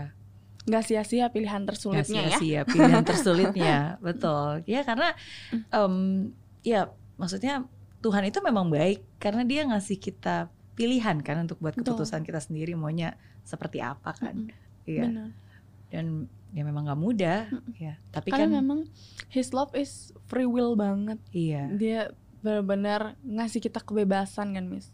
Jadi ketika ngasih kebebasan itu kita berhak memilih loh. Betul. Tapi kalau kita salah memilih udah gitu. Betul. Padahal tapi aku di situ nggak mikir kayak aduh kalau aku salah milih aku ke mana? Enggak aku kayak Iya. berpikir aku nggak bisa apa lagi gitu mau berontak juga nggak ada uang kayak aku berpikir kayak gitu jadi kayak "Ya udah deh Tuhan baik gitu Tapi ketika kamu akhirnya sekarang menjadi penyanyi rohani gitu ya, itu pilihan sulit gak sih untuk kamu memutuskan berada di tempat ini? Karena eh, aku sempat pernah ngobrol sama Citra, gitu Citra Hmm. sempat sharing datang ke sini dan sharing. Dia bilang sebenarnya bikin album rohani dan jadi penyanyi rohani itu susah banget loh, karena berat banget eh, tanggung jawabnya. bener Heeh. sebenarnya aku melihat semua pelayan itu itu sama semua Hmm. pelayan itu sama jadi nggak ada yang eh, opahnya lebih besar nggak ada yang tempatnya lebih bagus nanti semua pelayan itu sama sama-sama Hmm. melayani Tuhan Hmm. cuman memang divisinya beda-beda Hmm. kalau bagian aku aku lebih ke aku harus jaga hidup juga Hmm. gitu aku harus jaga hidup aku nggak boleh sembarangan aku nggak boleh main-main nggak Hmm. boleh cuman gimmick aja bilang Tuhan baik aku harus menghidupi Hmm. kalau Tuhan memang baik Hmm. dan gimana caranya ya aku merasakan Tuhan dulu Iya. gitu aku sampai di titik itu kayak karena memang ini pesan dari Om Albert sih pertama Hmm. kali aku rekaman Om cuma bilang kayak gini e, Melita kan kamu udah coba eh, ciptain lagu Hmm. lagu rohani kamu harus diisi juga sama firman Tuhan Hmm. kalau lagi pelayanan dengerin firman Tuhan Hmm. kalau lagi ke mana dengerin ikutin penyembahan eh, pujian penyembahan Hmm. firman Tuhan kamu kesaksian Hmm. terus jadi kayak sampai saat itu eh, dari saat itu sampai akhirnya dan memang papa mamaku juga orang yang kayak gitu misalnya kita pelayanan masih sih lima limanya denger firman Tuhan Hmm. lima limanya denger khotbah gitu Iya. kan terus aku jadi kayak merasa oh aku di lingkungan yang seperti ini juga Iya. jadi yang menjaga aku ya seperti ini juga Iya. aku nggak boleh aku ke mana-mana miss tahu kan aku kayak oh, ditemenin papa, Apa? ke mana Betul. aku keluar kota pun aku ditemenin papa Iya. gitu jadi ke mana-mana pun aku jadi kayak punya pagar oh apa sih yang membuat aku berasa pelayan itu bukan beban buat Hmm. aku kalau misalnya dibilang berat berat banget miss Hmm. karena kan aku harus jaga hidup aku juga Iya. aku nggak boleh sembarangan mungkin orang-orang di luar sana bisa kayak ya santai aja orang nggak Iya. ngapa-ngapain Dan kita juga masih manusia kan, Ya, yang masih sebenarnya selalu berbuat salah, bisa terpleset, Iya. bisa lupa gitu Bener. kan. Mm. kadang-kadang aku kalau misalnya lagi pelayanan terus ada ada ada debat dikit sama papa gitu misalnya atau sama mama kita langsung sama-sama buru-buru kayak udah itu nggak masalah ya. Hmm. karena takutnya nanti pelayanannya nggak enak Iya. jadi kita mau dengan hati yang tenang dulu Iya. dan segala macem jadi menurut aku beratnya berat banget tapi kalau aku diiringin sama papa mama sama orang-orang yang memang ya hidup dalam Tuhan juga Hmm. jadi kayak bikin aku oh ini bukan beban buat aku Hmm. cuman memang ini misi aku untuk untuk untuk menjangkau jiwa lebih, lebih lagi Hmm. gitu tapi Hmm. kalau berat berat banget pilihan Hmm. tersulit untuk jadi pilihan eh, jadi pertamanya itu aku dibilang mau nyanyi lagu rohani atau lagu sekuler? Karena dari situ aku punya trauma sama lagu sekuler karena aku nggak lolos Indonesian Idol. Jadi kayak aku pikir ber- berpikir "Ya udahlah lagu rohani aja. Aku berpikir kayak gitu sebenarnya. Tapi Tuhan punya jalan lain. Mm-mm. Iya, iya. Eh, lagu single yang pertama kan Tuhan tolong saya eh, bukan itu lagu Iya, Tuhan penolong penolong yang setia yang setia. Iya, penolong iya, yang iya, setia. iya. Tuhan tolong saya lagu Nah, kita. itu lagu kita baru rilis langsung promo ya, langsung. kebiasaan promo iya, iya. Tanda-tandanya harus nyanyi nih. Iya, nanti nanti di akhir. Udah, udah ini belum. Kan ini yang melatih vokal. Kan kamu juga ngelatih-ngelatih vokal gitu Iya, kan? uh, uh. Iya. Aku direct vokal juga. Oke, oke. Oke. Sebelum saya tanya pertanyaan terakhir, eh tanya dulu lah biar abisin, abis Apa? itu baru kita nyanyi. Eh, pelajaran paling penting yang hidup pernah kasih ke kamu? Pelajaran paling penting hmm, apa ya? Aduh banyak banget ya Miss ya. Aku sampai nggak bisa mikir lagi. Hmm. Tapi kalau misalnya harus narik satu eh, benang merahnya, Hmm. aku harus bilang aku nggak boleh buru-buru ambil keputusan. Keputusan Hmm. untuk berpikir kayak ah Tuhan nggak adil nih buat Hmm. aku. Aku nggak boleh cepet-cepet kayak gitu. Karena Hmm. kadang yang tadi kita bahas masalah tuh terjadi karena memang ya Tuhan pengen kita ngerasain dia dulu. Iya. Tuhan pengen yang kayak Pastor John Mogi bilang kalau gimana kita mau rasain Tuhan yang menyediakan kalau kita nggak kekurangan. Iya. Jadi kadang-kadang kan orang suka kayak aku dulu di di masa-masa kekurangan, aku kayak suka berpikir ah Tuhan tuh nggak sayang aku ya, Hmm. nggak sayang keluarga Hmm. aku ya. Hmm. Padahal kata Tuhan sabar. Hmm. Aku mau ngajarin kamu sabar. Hmm. Aku mau ngajarin kamu taat sama Hmm. aku. Hmm. Sabar aja, percaya aja.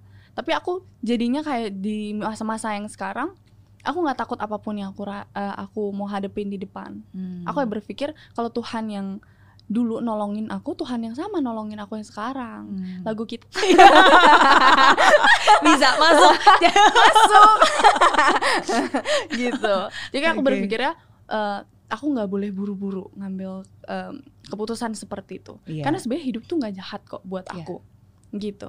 Hidup tuh nggak nggak pernah jahat, cuman Betul. gimana cara kita memandangnya aja. betul. Gimana cara Betul. kita eh, punya faith di dalam itu. Betul. Gitu. Betul. Kalau kita terus mengendalikan kekuatan kita nggak akan habis kan Hmm. soalnya. Tapi kalau kita udah trust and obey aja, pasti Tuhan sediain jalan Hmm. gitu. Setuju, setuju. Hidup itu ya tergantung bagaimana kita sebagai pembuat narasinya yang menarasikan jalan cerita hidup kita gitu. Dan sometimes kadang-kadang orang kalau bagikan ibaratnya film, ya orang kan cuma baru ngeliat ini baru adegan ini loh. Baru satu adegan doang, tapi kan kita kalau kita nonton film kita tahu lah pas lagi ada sedih-sedihnya tapi kita juga pasti tahu nanti pasti ada Iya. baliknya Hmm. gitu. Kita tinggal nungguin aja nih adegan yang berikutnya kapan, Bener. adegan yang berikutnya kapan. Iya, ya tapi ya harus tetap berjalan kan. Bener harus tetap Mm-mm. berjalan. Oke. Thank you for sharing. Thank you. Seperti janji saya karena kamu uh, thank you juga udah menjawab semua pertanyaan saya. Berarti sekarang kamu boleh tanya satu pertanyaan buat saya. Nah, ntar akan saya jawab. Aku punya satu pertanyaan Hmm. buat Miss. Kan eh, kita pernah sama-sama ngalamin hal yang sama Mhm. gitu. Tapi ada mungkin teman-teman di di di YouTube dan teman-teman di rumah yang mungkin kayak ngerasanya aku udah lama banget nih di titik ini gitu. Hmm. Aku dari dulu seperti ini, sekarang seperti ini. Aku nggak Hmm. tahu di masa depan aku akan seperti ini atau enggak. Menurut Miss dari dalam diri kita sendiri kita bisa nggak sih ngerubah takdir Hmm. takdir hidup kita seperti apa? Hmm. Karena kan dari tadi kalau kita pembahasan berserah sama Tuhan, tapi bisa nggak kita ngerubah takdir? Oke. Menurut saya kita bisa mengubah takdir. Manusia bisa mengubah takdir asalkan dia dekat dengan yang memberikan takdir. Hmm. Karena em, ini aku ngalamin sendiri ya. Hmm. Maksudnya em, kadang kan kita nggak tahu tuh seperti eh, apa kenapa harus begini karena sebenarnya kita nggak tahu takdir kita apa. Tapi kan saya saya sih selalu percaya bahwa ketika saya terlahirkan dari sejak awal gitu kan eh, Tuhan menciptakan dan akhirnya saya terlahir sebagai bayi yang imut-imut yang membawa keceriaan cie. saya percaya itu pasti sudah ada Tuhan udah punya rencana gitu, udah ada gambarannya, udah dia udah bisa kebayang gitu saya akan melalui apa dan ah, hasil akhirnya tuh seperti apa. Karena kan dia menciptakan takdirnya Mm-mm. gitu. Cuma kan sometimes kita sebagai manusia kita kan nggak mengerti dan nggak tahu. Dan Mm. kadang-kadang kemampuan saya sebagai manusia kan sangat terbatas. Jadi kita nggak bisa melihat dan memahami. Tapi kalau kita benar-benar dekat dan tahu sama yang ngasih kita takdir yang menciptakan takdir itu, ya kita pasti akan bisa mengerti. Dan pada akhirnya kita juga tahu bahwa oh ya rencananya pasti selalu indah gitu. Iya. Ya dan walaupun mungkin kadang-kadang em, kita merasa eh, tapi boleh nggak sih saya minta saya nggak mau kayak gini nggak mau kayak gini gitu. Saya percaya kalau kita sungguh-sungguh dekat dengan dia dan benar-benar minta minta minta minta terus Iya, benar. Tuhan pun bisa loh mau mengubah karena kan sering kali ada banyak banget kejadian yang sebenarnya Tuhan juga mengabulkan apa yang diminta kan kalau Iya. itu sudah diminta berkali-kali gitu tapi ya harus dekat sama yang punya takdir. Kalau kita dekat sama yang punya takdir kita bisa minta kita bisa mengerti dan kita bisa ya lebih lebih tahu. Dan kalau kita tahu sebenarnya dia itu jauh lebih tahu. Benar benar benar benar. Iya, karena saya pernah uh, ada banyak hal tapi mungkin yang bisa relate dengan seorang anak umur 22 tahun. saya relate ya waktu itu saya masih 20 tahun ya. Um, jadi waktu itu pas lagi masa kuliah uh, kan aku kuliah tuh gara-gara utang kan Mm. karena karena kerusuhan akhirnya ke sana Mm. karena papa mama nggak punya uang banyak akhirnya kita harus ngutang gitu. Mm. Nah, jadi pas lagi irit-irit di sana, pas lagi tahun ketiga, waktu itu aku punya kesempatan untuk magang, kerja Hmm. di Singapura magang. Walaupun dapat income-nya income uang magang gitu. Uh, tapi aku senang. Nah, di saat-saat magang itu karena mungkin aku rajin dan kerjanya cukup baik, jadi supervisornya itu impress sama pekerjaan aku. Hmm. Aku dulu sar- uh, teknik elektro. jadi bagian ada, quality ada di film. Miss gak sih sebenarnya? Eh, yang adegan Ada ini nggak kan? ada, Oh, yang adegan ini nggak nonton ada. Oh iya, thank you, thank you. Jadi aku tuh dulu kerja di Micron Semiconductor, ya disebut merek, bagian quality control gitu kan, bikin programming dan segala macam gitu. Nah jadi karena aku rajin banget, do more than expected, bla bla bla dan seterusnya, jadi uh, supervisornya tuh impress. Mm. Nah jadi karena dia impress, jadi dia bilang, eh uh, kita nih lagi ada scholarship sebenarnya uh, beasiswa. Nah kalau diterima berarti nanti tahun terakhirnya itu dibayar full, gitu. Kamu bisa dapat kerjaan di sini, gitu kan dengan gaji dan seterusnya, Mm-mm. gitu. Uh, kamu daftar aja. Awalnya saya nggak pernah mau daftar loh, Hmm. karena saya pikir bu, apa kayaknya nggak akan bisa lah dapat scholarship beasiswa Iya. kayak gini. Cuma dia bilang nggak apa-apa daftar aja tenang aja gitu kan. I Hmm. give you good recommendation gitu. Dan saya pikir oh ya udah karena yang nyediain beasiswa aja nyuruh saya untuk daftar pasti kemungkinan besar bisa diterima dong. Ya paling kan udah tahu hasilnya baik. Ya udah saya datang dengan PD-nya, interview, dilihat hasilnya bla bla bla udah confident banget nih bakalan diterima. Tapi ternyata nggak dapat Hmm. nggak lolos gitu. Eh, apalagi lebih sedih lagi begitu saya tahu eh, teman saya yang sebenarnya nilainya itu lebih kurang dibandingkan saya, tapi dia malah dapat beasiswanya gitu. Oh. Ya dan itu rasa kecewanya eh, sangat kecewa ya, Iya. karena saya nggak pernah minta loh. Kalau saya nggak daftar nggak diterima ya udah. Tapi kan Iya. kalau saya diminta untuk daftar kayak dikasih harapan, terus tiba-tiba blek gitu. Ngapain kasih harapan gitu kalau i- ujung-ujungnya nggak bakal dikasih juga gitu Hmm. kan. Kenapa malah jadi naruh rasa kecewa itu Hmm. gitu kan? Emang emang nggak cukup apa eh, dua tiga tahun rasa kecewa ini di hidup saya Hmm. udah susah gini masih dikasih lagi harapan udah gitu di, dikecewakan gak dikasih gitu kan. Jadi itu sempat sempat sedih juga dan sempat mempertanyakan banyak hal lah gitu. Nah cuma ya Tuhan punya rencana gitu. Justru saya bersyukur nggak dapat beasiswa itu karena kalau saya dapat beasiswa berarti kan saya dapat ada ikatan kerja. Jadi begitu saya lulus kuliah saya harus kerja jadi insinyur elektro dan udah jalan udah berbeda gitu. Iya. Tapi justru karena saya nggak dapat, akhirnya saya jadi um, punya keberanian untuk mulai usaha saya sendiri. Akhirnya saya malah berjuang dan akhirnya Iya. jalannya jadi seperti saya sekarang gitu. Jadi itu hanya salah satu dari begitu banyak hal yang saya pikir tolong dong rubah takdir saya gitu. Ayo dong ubah ubah gitu. Tapi no. Iya iya. Iya sebenarnya sekarang saya bersyukur sih untung kamu nggak ubah ya. Untung kamu nggak dengerin saya. Kalau kamu dengerin saya, aduh saya tahu rugi. deh. Iya. ya udahlah akhirnya. Jadi Benar. ya em, jadi setelah berkali-kali hal-hal seperti itu selalu ter- terjadi dalam hidup saya. Jadi kadang-kadang nih kayak sekarang nih kayak wah ini udah bagus banget nih ini udah wah bagus banget nih kesempatannya jadiin dong gitu. Hmm. Tapi Tuhan bilang enggak, saya pikir oke, tadi udah bagus banget loh.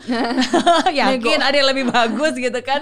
Tapi ternyata selalu benar ada yang lebih bagus lagi gitu dan it's beyond imagination sesuatu hal yang nggak pernah bisa kita pikirkan, nggak pernah Benar. kita dengar, nggak pernah kita lihat, tapi ada gitu. And sometimes it is just so unexpected, nggak Iya. pernah disangka gitu kan. Dan Benar, dan kadang-kadang cepet banget gitu. Jadi untuk menjawab pertanyaan, menurut saya kita bisa mengubah takdir, kita punya kekuatan dan sebenarnya kita harus bergerak ya kan. Iya. Tapi ya kita harus selalu dekat dengan yang memberikan takdir supaya kita bisa selalu tahu dia maunya apa dan ya kita bisa tetap minta kalau dikasih ya bagus, tapi kalau nggak dikasih ya dia tahu yang lebih baik buat kita Benar gitu. benar.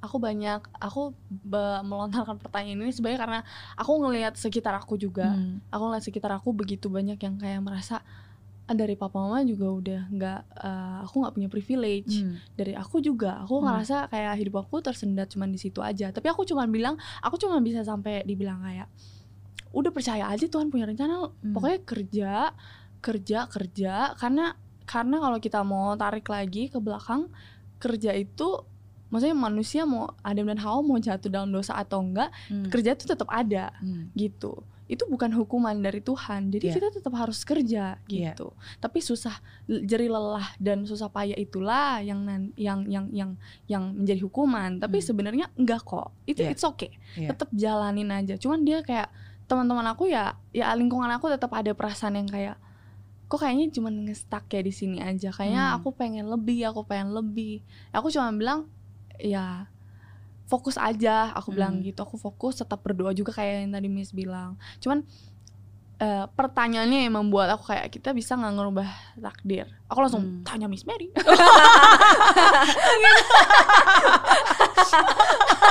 Langsung ya. nanti nonton podcast ya aku langsung Oke, semoga menjawab pertanyaan ya. Ya, Nggak, Gitu. tapi tapi it's, it's true sih, it's true. Sometimes kadang-kadang uh, aku aku juga pernah merasa merasa stuck gitu kan. Iya. Um, padahal aku merasa aku berdoa aku ada Tuhan di hidup saya gitu. Maksudnya saya, Hmm. maksudnya saya bukan orang yang nggak tahu Tuhan dan dan nggak punya rambu-rambu gitu kan. Tahu Hmm. ada Tuhan di hidup saya gitu. Mm-mm. Cuma uh, saya sadar uh, selama dua tahun terakhir ini 2020 sampai hari ini gitu ya, saya sadar bahwa yes mungkin Tuhan memang ada di hidup kita, Hmm. tapi kamu letakkan di mana dia gitu. Jadi Mm-mm. kalau saya selalu bilang bahwa um, pekerjaan apa pun juga kita itu bagaikan sebuah kendaraan menuju satu tujuan, Iya. ya kan kita kendaraan nyetir mobil gitu kan, ada Tuhannya sih di mobil Kita bawa, tapi kamu taruh di mana? Bener. ya kan maksudnya kamu taruh di bagasi supaya ada kok Tuhan di Iya. kan kamu taruh di kursi penumpang Hmm. di kursi samping atau kamu biarkan dia untuk jadi pengemudinya yang nyetir Iya, bener. gitu jadi eh, di situlah saya tersadarkan bahwa ya mungkin Tuhan memang ada di hidup saya cuma mungkin selama ini ya sayanya merasa sok pinter Hmm. yang nyetir ini kan hidup saya ini kendaraan saya saya yang paling tahu gitu Kayak ya saya saya saya nyetir gitu kan mungkin kalau dulu kita masih kecil kita tahu kita nggak punya sim ya kita disetirin Mm. tapi kan ketika kita beranjak dewasa kita punya kemampuan kita punya keterampilan kita punya license gitu Hmm. kan akhirnya kita eh sini gue aja nyetirin Iya. gitu kan tapi after a while ya kita saya diingatkan kembali sih ya Hmm. kalau kamu mau jalan yang lebih panjang dan lebih menyenangkan ya kenapa nggak dia aja nyetirin Iya. gitu ya kan dibutuhkan percaya kepercayaan dan em, kemauan Bener. Iya, dan meminta. Makanya Amin. eh, kayak kemarin saya nulis di Instagram. Ah, jadi sharing. Jadi for the first time in my life selama 42 tahun, saya tuh jarang banget selalu minta hadiah. Kalau saya kalau Hmm. ulang tahun tanya mau hadiah apa? Ah nggak perlu, nggak perlu. Beneran. Hmm. Tapi for the first time eh, di ulang tahun saya 42, eh, saya cuma minta satu hal. Yaitu I just want him, eh, the Holy Spirit ya to be exact ya, untuk Iya, iya. bisa menyetir hidup saya Mm. gitu ya dan eh, ya dan akhirnya dijawab Ternyata gak kebetulan ya Miss ya Sangat-sangat gak kebetulan ya Itu Iya. bener-bener Aku juga sebenarnya pas Om Albert bilang eh, Mau eh, Miss Mary yang Hmm. nyanyi itu Oh kayak Oh ya udah nggak apa-apa gitu kan Terus Tapi Om bilang Iya sebenarnya nggak tahu juga kenapa Om terpikirkan. Kayak gitu Aku kayak Ya juga ya.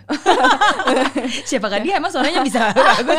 Enggak Cuman aku yang berpikir eh, Aku pikir Om tuh mau nyaringnya yang penyanyi gitu loh. Iya, iya, Nah iya. kayak ya udah siapa kek? gitu kan. Terus kayak aku bilang, oh ya udah nggak apa-apa, aku bilang gitu karena om pikirnya eh, Miss Mary. Tapi pas aku eh, pikir-pikir juga kayak, oh ya udah nggak apa-apa kalau Miss Mary mau nggak apa-apa gitu Hmm, kan. hmm. Aku nggak tahu kalau jujur ya, sebenarnya aku pikir Miss Miss nggak mau. aku kayak mikir kayaknya Miss nggak mau deh. Tapi Miss Mary mau. Iya. Terus ternyata ada backstorynya. aku juga kaget banget karena Hmm. again sometimes kan eh, kita cuma bisa mengerti kalau kita melihat belakangan connecting the dot gitu benar-benar. jadi ketika pas lagi em, apa namanya eh, Om Albert, aku jadi manggilnya Om Albert. ya, eh, waktu itu kan uh, kita sempat ngobrol kan, Mm-mm. uh, gitu. Terus kan uh, Om Albert bilang bahwa uh, iya nih nggak tahu pokoknya begitu dia dapat kiriman lagu ini dari penciptanya, terus tiba-tiba dia kebayang, wah ini kayaknya kebayang Mm-mm. Mary Riana gitu kan. Iya. Terus uh, waktu itu Om Albert sempat sharing bahwa oh ini seakan-akan kayak lagunya nih kayak punya nyawa dan nyari-nyari nyari-nyari penyanyinya gitu kan. Dan aku begitu dengar itu aku langsung kayak wow itu benar-benar tersentuh banget sih. Dan Mm-mm. jadi aku akhirnya trace back lagi gitu. Karena Mm-mm. eh, ya bener bahkan aku ngeliat dari segi tanggal-tanggal waktu itu kan aku cuma taunya mengalir aja aku nggak bener-bener tahu exactly tanggal persisnya. Makanya aku aku cek sama aku jadi inget gitu kan apa yang aku minta apa yang tulis di jurnal. Terus habis itu jawaban-jawabannya makanya aku langsung cek sama eh, tim aku. Eh coba tolong cek. Oh gitu. Awal kan dia eh, ngonteknya ke admin kan. Iya coba tolong cek WhatsApp tanggal berapa dia WhatsApp kamu gitu kan baru ngasih ke saya Iya, terus uh, ya it's just nice karena jadi waktu itu aku benar-benar pengen banget bersyukur ada banyak hal yang Tuhan sudah izinkan terjadi dalam hidup saya dan nggak semuanya mungkin bisa kita ceritakan secara detail ya ke ke, ke orang luar semuanya kan. Tapi ya saya tanya dia, what is the best way? What should I do gitu? Mm-mm. Iya, eh ternyata tiga hari kemudian dikasih Wah. jawabannya Tiga hari doang ya. tiga hari. Wah. Tuh nggak nggak kebetulan sih. Iya. Ya memang ya Tuhan tunjuk aja sih Hmm. kalau itu. Wah, nyanyi apa? iya iya iya iya oke gitu tapi eh, terakhir nih karena tadi katanya ada teman-teman yang menitipkan pertanyaan semoga dia bisa Iya. menjawab um, one thing that I realize tentang takdir saya percaya apa yang Tuhan sudah rencanakan dan janjikan untuk kita itu pasti sangat baik. Baik Hmm. baik baik banget. Oke? Amin. dan itu nggak akan pernah bisa diambil oleh siapa pun juga sebenarnya. Yang udah Tuhan siapkan gitu semua hal yang baik itu nggak akan pernah bisa diambil oleh siapa pun juga. Itu cuma bisa diambil oleh kita kita yang ambil gitu. Nah tapi yang jahat tahu. Yang jahat tahu. dia nggak bisa ngambil ini jadi yang biasa yang bisa dia lakukan terhadap kita adalah dia bisa mendistrak kita supaya kita lupa. Akhirnya Hmm. kita lupa nih sama jalan kita yang sebenarnya. Ada hadiah ini loh yang sebenarnya Tuhan sedang Hmm. persiapkan. Ya kita terdistrak aja. Kasih masalah inilah Jadi kasih nggak itulah kasih ya. jalan lain lah. Akhirnya nggak nyampe sini juga kan. Atau sering kali dia bisa mendiscourage kita. Ah kamu nggak layak kamu yakin Tuhan janjiin ini bakalan dikasih? Kamu kan Hmm. nggak bisa. Coba lihat kemampuan kamu. Kamu kan nggak layak nggak mampu nggak bisa. Intinya membuat kita discourage aja. Akhirnya kita berhenti sendiri akhirnya kita nggak jalan lagi. Dan Hmm. akhirnya kita yang mensabotage itu. Jadi bukannya Tuhan yang nggak mau ngasih Tuhan udah bakalan mau ngasih karena itu Hmm. dijanjikan kan. Ya cuman kitanya aja yang akhirnya merasa nggak layak nggak mampu nggak mau terdistract kita lupa dan akhirnya nggak nyampe gitu. Nah jadi tetap harus harus fokus. jalan. Satu-satunya hal yang nggak bisa Tuhan lakukan yang bisa kita lakukan gerak. Cuma itu. Cuma Iya. gerak. Iya. jalan. Tuhan bisa Cuma kasih kendaraan jalan. kasih apa pun kalau kita nggak gerak nggak akan bisa Benar, sampai. Jadi ya udah gerak aja. Kalau salah ya nanti Tuhan benerin kok. Bener bener. jadi prinsip saya gitu aja sih. Nggak jalan aja ya. terus nggak Mm-mm. apa-apa. Gitu. Ya semoga menjawab pertanyaan. Yes, gitu teman-teman. gitu loh jadi panjang Jadi punya aku. Oke nah jadi karena semua pertanyaan sudah habis berarti kita nyanyi Aduh. Suara, udah suara siang kali ya. udah suara siap Mungkin ya, udah suara Mungkin, siang mungkin, kali mungkin, ya. mungkin mungkin Heeh. refnya aja kali Iya, ya refnya aja. refnya aja ya aku yang pecah suaranya aja pertama kalinya Miss biasanya kalau aku duet sama orang pasti aku bagi suara. Oh oh gitu? Maksudnya kamu yang ambil suara Iya. duanya oh gitu? Apa kita suara dua aja dua-duanya? Oh dua-duanya? Jangan dong. Iya iya iya. Ntar. Biar yang lain. Refnya aja. Refnya aja. Deg-degan jadinya. Refnya aja. Iya. Aku tuh kan Aku udah bilang pertama kali ketemu kamu Aku udah mau ngambil suara. Aku kan alto banget. Jadi ngambil suara yang sangat rendah. Tapi nggak bisa lari. Tapi gak bisa tetep aja. Iya iya iya. Oke Nah ini di mana ya? Ya gimana Yang dia minta. Oh, Emang setinggi itu ya Enggak ya Miss ya? Iya iya kayaknya kayaknya kayaknya. Segitu aja Gak ya. apa-apa, gak apa-apa. Oke. Ya, ya. Music please. Ya. gak ada. Ini kita cuma Kita nggak boleh minta karaoke-nya dulu nih sama Mbak Albert. Kita ini procrastinate ya. Gimana dong guys? Procrastinate. Gak apa-apa, gak apa-apa. Ya, gak apa-apa. ya. Oke. Hmm. Yang dia minta kita percaya Dia yang menopang Dia yang selamatkan Yang dia minta kita berharap Di dalam kasih dan kuasanya. Ah. Oh, bukan suara pagi. Mantap. Aduh. Thank you loh. Thank you, Miss. Udah. Thank you so much. Sharing your story. Thank Thank, you, you, sudah berbagi cerita. Thank you juga udah mau nyanyi sama saya. Thank you. Kayaknya aku yang harus bilang sih. Sebenarnya makasih udah mau nyanyi sama aku. Gak kebalik ya. Iya ya, kebalik dong kebalik karena sometimes um, aku tuh selalu teringat ya ini jadi lanjut lagi. Nanti nyanyi lagi. Ayo lagi. Terakhir terakhir aku selalu ingat. Jadi waktu pas aku lagi di sini, eh Yosi, Yosi Project Pop, Oh, Kak Yosi ya. Kak ya. Yosi sharing. Mm-mm. Dia bilang Tuhan tuh selalu cari orang yang mau, bukan yang mampu. Betul. Terus saya tanya kenapa? Karena kalau orang cari yang mampu, nanti dia nggak mengandalkan Tuhan, karena dia berdasarkan kemampuannya dia. Jadi sebenarnya Tuhan lebih suka cari orang yang mau. Benar, benar. Nanti benar. dia yang memampukan. Betul, betul. Gitu.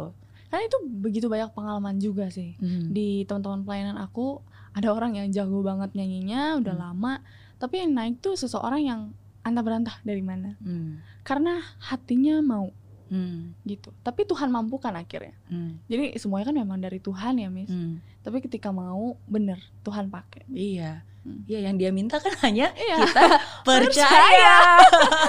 yang dia minta. Please dengerin lagunya ya, guys. Iya, oke. Jadi daripada dengerin kita ngobrol-ngobrol dan suara akapelanya, udah ada lagunya Yes, di Impact, di Impact Music, Music Indonesia. Indonesia. Tonton berkali-kali, resapi, Kali-kali. Kasih ke Pak RT, ke semuanya. di share. semuanya semua keluarga karena itu lagunya aku personally powerful banget sih aku Hmm, rasanya hmm. aku kenal siapa yang penciptanya kan Kak Bobby Oh, Febian Aku nggak kenal, aku belum pernah ketemu. iya Kak Bobby Iya, Febian iya. dia memang penyanyi rohani juga Oh gitu. Mm. Oke oke. memang lagu-lagu ciptaan eh, beliau bagus-bagus dan yang kali ini aku suka banget karena liriknya itu kan kalau Tuhan tolong saya Tuhan Iya, juga iya. tolong kamu gitu Iya, itu aku merasa kayak siapa pun yang membutuhkan dengar pasti akan dikuatkan betul. gitu. aku betul. suka banget lagunya Thank you. Thank you, Thank you so much. Om Bobby. Om atau Kak? Aku sih panggilnya kak. Aku belum tahu. tapi tapi kayak seumuran kami Miss Mary deh. Oh gitu ya. Iya. Oh, Oke, Bobby. langsung, langsung kurang ajar. Thank you loh udah bilang. Ditonton gak sih dia? Nonton ini Nanti aku ya? share. Oh iya ya. Salam kenal. Nggak habis-habis nih. Oke, suatu saat nanti kita semoga bisa sharing lagi Yes. di di tempat yang berbeda, uh, mungkin di pelayanan yang berbeda. Tapi thank you banget sekali lagi. You. Salam buat papa, salam buat mama, salam buat abang-abang semuanya. Siap, Uh, Miss. Tuhan berkati. Tuhan berkati Miss. Amin. Thank you.